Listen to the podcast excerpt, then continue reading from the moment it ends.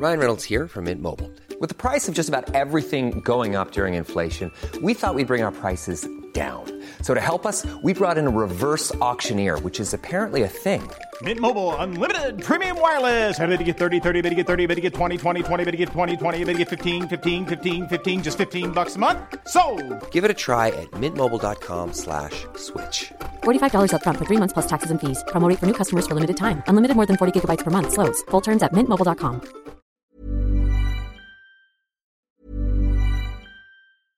I'm Sandra, and I'm just the professional your small business was looking for. But you didn't hire me because you didn't use LinkedIn jobs. LinkedIn has professionals you can't find anywhere else, including those who aren't actively looking for a new job but might be open to the perfect role, like me.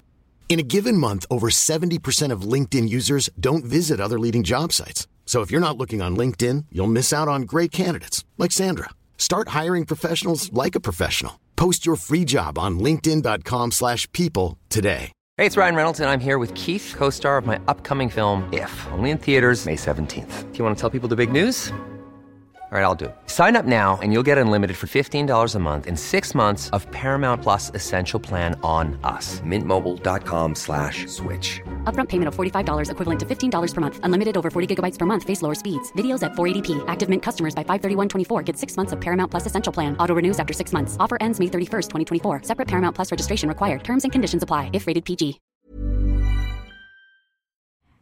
Halo, selamat datang di podcast Love Lavina.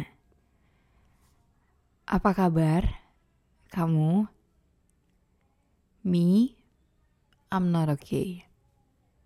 Today. Maybe not just today, but lately. Kayaknya aku ngerasa nggak baik-baik aja tuh udah dari hari Senin enggak terus-terusan dari Senin sampai Jumat selalu ngerasa nggak baik-baik aja tapi perasaan nggak baik-baik aja itu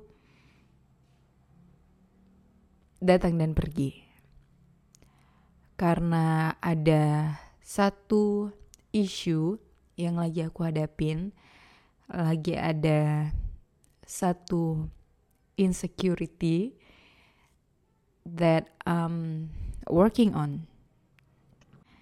Sayangnya, harusnya aku tuh belajar dari masa lalu ya, belajar dari kesalahan-kesalahan sebelumnya. Kalau lagi nggak baik-baik aja, sebaiknya kurangin buka sosial media. Karena walaupun inti dari permasalahannya tuh bukan yang berhubungan sama sosial media, tapi selama aku belum bisa menyelesaikan masalah yang aku punya, buka sosial media tuh benar-benar memperparah keadaan. Karena ya di sosial media orang-orang selalu posting hal-hal yang bahagia, terutama di Instagram. Jadi buka Instagram, ngelihat kehidupan orang kok kayaknya baik-baik aja, lancar-lancar aja. Mulai deh tuh muncul perasaan iri hati.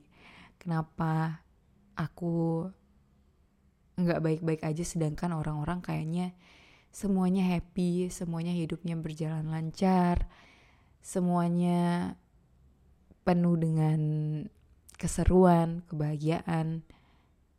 Walaupun kita semua pasti tahu kalau realitanya nggak seperti itu. Setiap orang yang kita lihat di sosial media yang terlihat super happy sekalipun, pasti dia juga punya struggle, pasti dia punya masalah juga di hidupnya. Tapi ya gitulah, kalau lagi nggak baik-baik aja, terus buka sosial media, jadi makin negatif, bukannya jadi semangat, jadi termotivasi. Seringnya malah jadi makin negatif. Kalau aku, terutama buka Instagram. Kalau buka sosmed lain mungkin enggak ya. Kalau buka TikTok tuh aku sering nemu yang lucu-lucu dan itu lumayan membuat aku lupa lah sama apa yang lagi aku pikirin. Kalau buka Twitter sekarang banyaknya ngebahas politik. Tapi kalau buka Instagram itu sih yang paling nggak baik kalau aku lagi nggak baik-baik aja. Aku sempat mikir apa aku seharusnya nggak sedih ya? Karena ini baru awal tahun, harusnya awal tahun tuh semangat, happy, excited, tapi kok aku malah sedih. Tapi menurutku ketika kita invalidate our feeling, ketika kita nggak mengakui apa yang lagi kita rasain, itu tuh nggak membuat keadaan jadi lebih baik. Aku pernah baca ya, kalau emosi itu tuh nggak bisa dihilangin ketika kita berusaha mengabaikan apa yang kita rasain, kita tuh cuman kayak pindahin sampah ke ruangan lain di dalam rumah kita. Tapi kita nggak ngebuang sampah itu keluar. Dan suatu hari sampah itu bakalan membludak dan rumah kita bakalan bau gitu. Jadi emosi itu nggak bisa kita sembunyiin karena kalau kita sembunyiin ya dia bakalan menumpuk terus. Jadi ketika punya emosi yang negatif, ketika kita lagi sedih,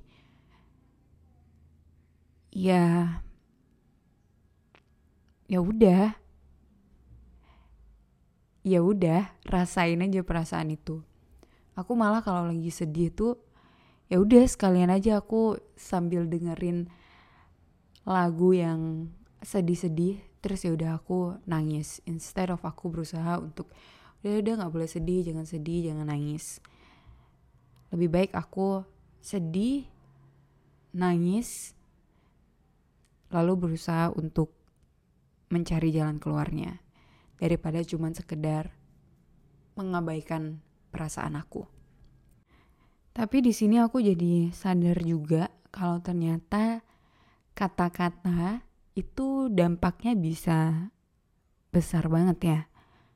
Aku kadang mikir juga ya, kenapa orang-orang merasa terbantu, merasa ditemani dengan kehadiran aku, padahal kita nggak pernah ketemu langsung.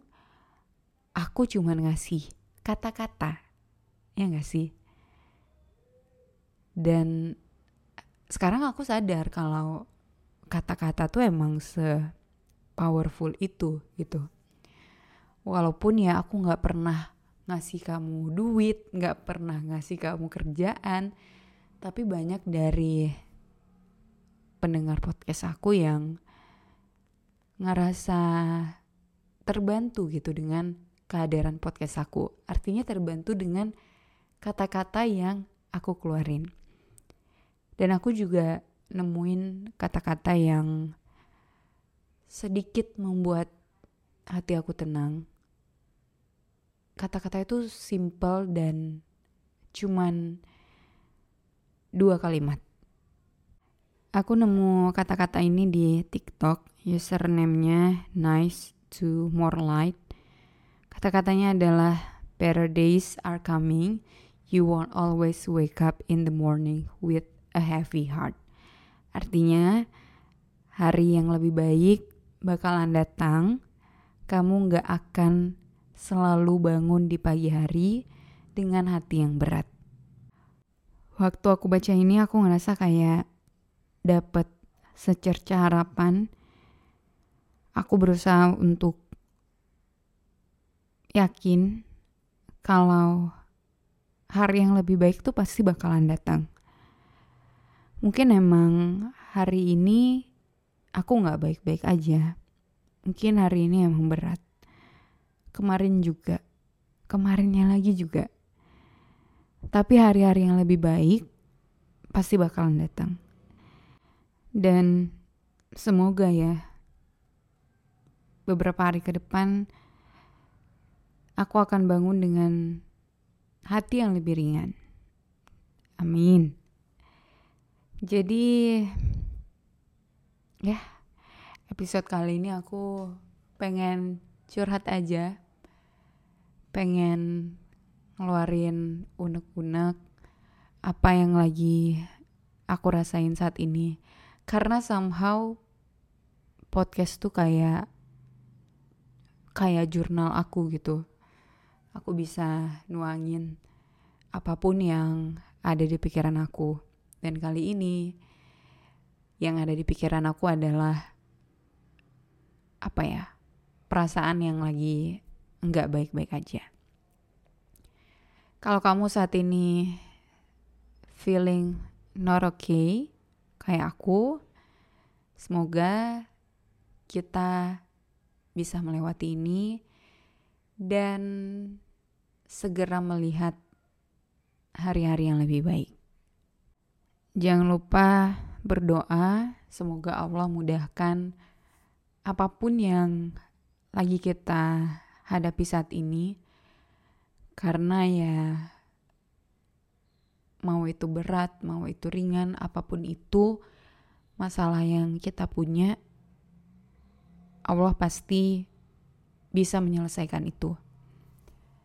So we just need to be patient and pray and believe that better days are coming. Terima kasih sudah mendengarkan. Jangan lupa untuk follow podcast Love Lavina di Spotify dan juga nyalain lonceng notifikasinya. Kalau kamu suka sama episode ini atau episode-episode lainnya, aku bakalan sangat berterima kasih kalau kamu mau share podcast Love Lavina di sosial medianya kamu. Kita bakal ketemu lagi di episode selanjutnya ya. With love, Lavina.